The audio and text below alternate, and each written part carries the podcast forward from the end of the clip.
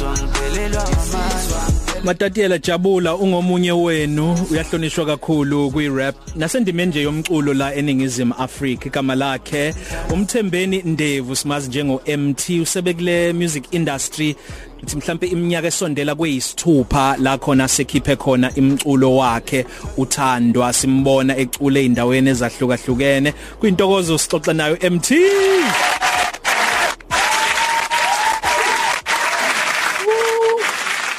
bo bo bo bo. Bo nazo kuyaphila bra? Yaphila kunjani? Yaphila mfethu ngilalele amagama lengoma le. Abantu banomona ngizizwa ngiphelelwa Yeah. ngamandla a- asiphumele ngaphandle ngathi manje ucikekile.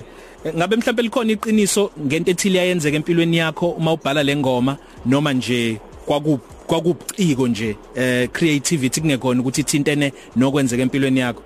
Zonke ingoma zami iqiniso. Iqiniso? Zonke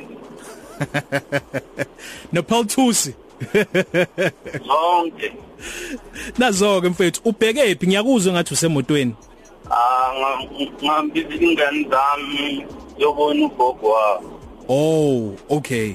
Yeah. yeah Ang- Angithembeke kodwa ukuthi ngesishawe inetwork mhlambe izohamba inqamuka nokuthi nawe nazi ingane niphephile njengoba usocingweni nje. Angithemba kushayeli wena Ah. futhi. ah siphephile siphephile impela Mfethu eh angazi ukuphatha kanjani wena kodwa ey lama interviews kade manje ngikulangazelela ukubabona abantu esixoxa nabo. Ngazi ukuthi khona elinye izinga esifinyelela kuwo kuma interviews lawe incingo ngenxa ye COVID-19 ay mina wangithokozisa. Akuphatha kanjani wena? Yize kumele kuqhutshekwe kusetshenzwe? Hey ah into engayijwayele so hey yangifaka nami Yeah. ngathanda nami ukuba lapho yabo yeah. Sihlale phansi sikhulume kodwa manje hey sizothini kuzothiwani? Ngivumele mfowethu u- u- ukhulume ngendaba yokuthi uhambisa abafana eh, abantwana bakho bayobona ugogo wabo amagama abo Avery. No Logan abanye abantu Yeah. abawosaziwayo ngiyaye ngibone. Mhlambe wena ungas- ungasinikeza uhlangothi ngendlela owenza ngayo. Indlela ababonakalisa ngayo ingane zabo kuyaye kube yile efihlayo.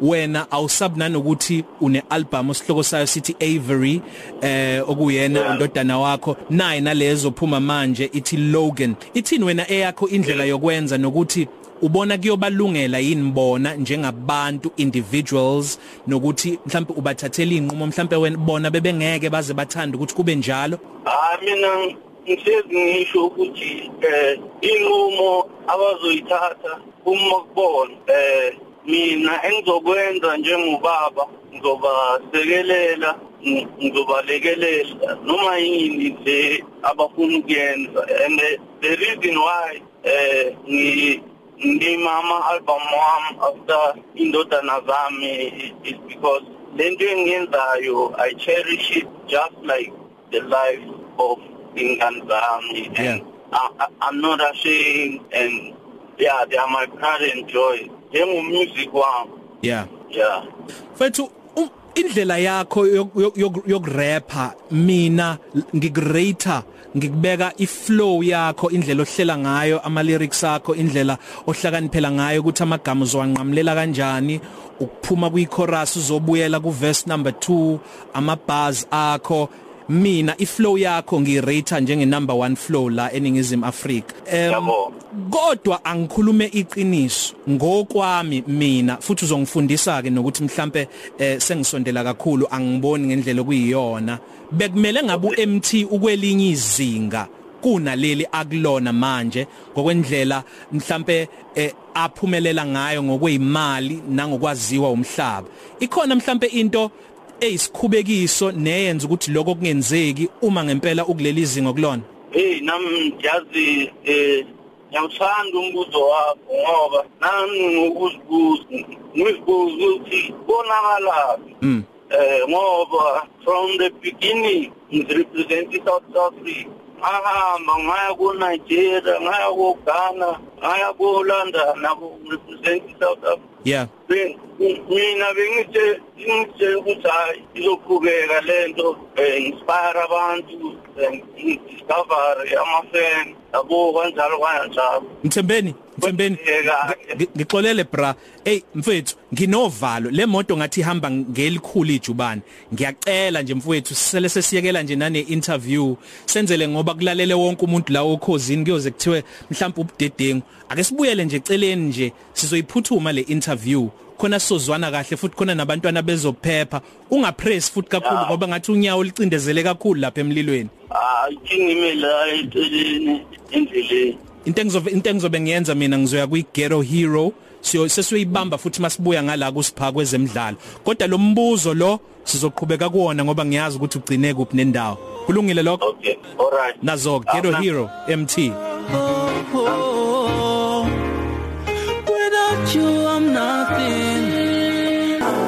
MT Tiwa Savage Me and You i-album yakhe yesibili ethi Manado ayikhipha ngonyaka 2017 siyabonga mfethu ukusihlonipha nokusibekezelela. Ngicabanga ukuthi sekuzwakala kangcono manje. Nabafana ngicabanga ukuthi manje ba right ba relaxile Ah sibonge sibonge kuleyo ndawo. Siyabonga kakhulu MT ubusachaza ukuthi ngesikhathi ufika kwi-industry uchuma roll up um ubuhambela kunesasasa amazwe amakhulu umculo wakho udayisa ama concert njalo njalo eh ngoba ngikusukela kulombuzo mina kade ngithi angiboni ukuthi kuleli izinga okumele ngabe ukulona ubusaqhubeka ke mfethu Ah mina ngisho ukuthi nje eh i business gone wrong. yeah Awukho okuningi engakusho eh angifuni ukudelela abantu noma ngikhulume kabi Yeah. ngabantu. mm Eh eh that's all I can say ukuthi eh, eh, akuhambanga kahle. Ikupho kusahambe kahle ke kodwa nongathi kuyifundo ezinhle ozo- ozoyidlulisela kubantwana bakho? Ngoba ngiyazi ukuthi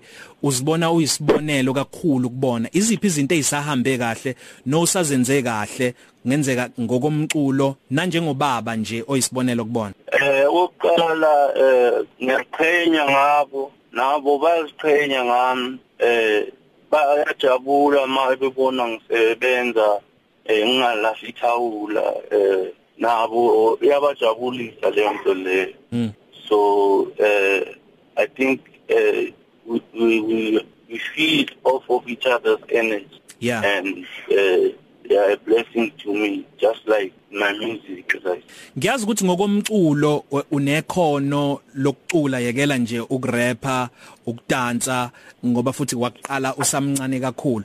Kodwa ngifuna ngokwe rap ukubuza kuwena ukuthi ibapho bukade ubukela kubona obusakhula? Ngabe mhlambe ububuka eMelika East West East kukhona Notorious B.I.G West kukhona Snoop no Tupac eh ukuthathe kuphi umculo we hip hop nala khona ofuna ukuhamba einyathelweni zabathile aba- abawenzayo?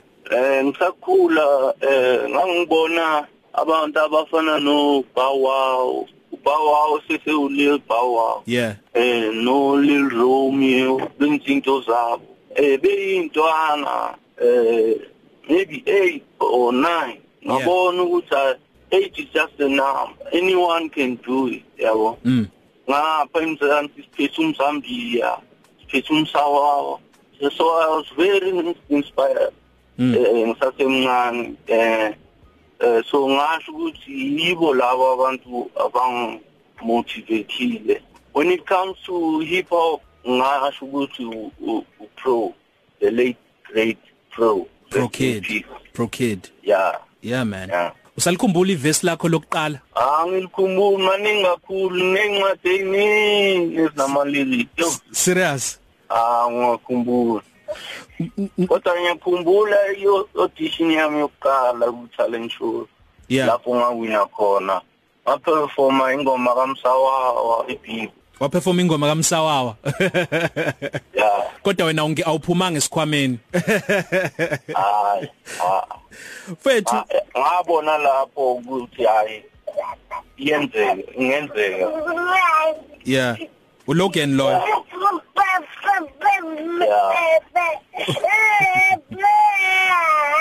Ukhala ngani? Ufunani? Ma.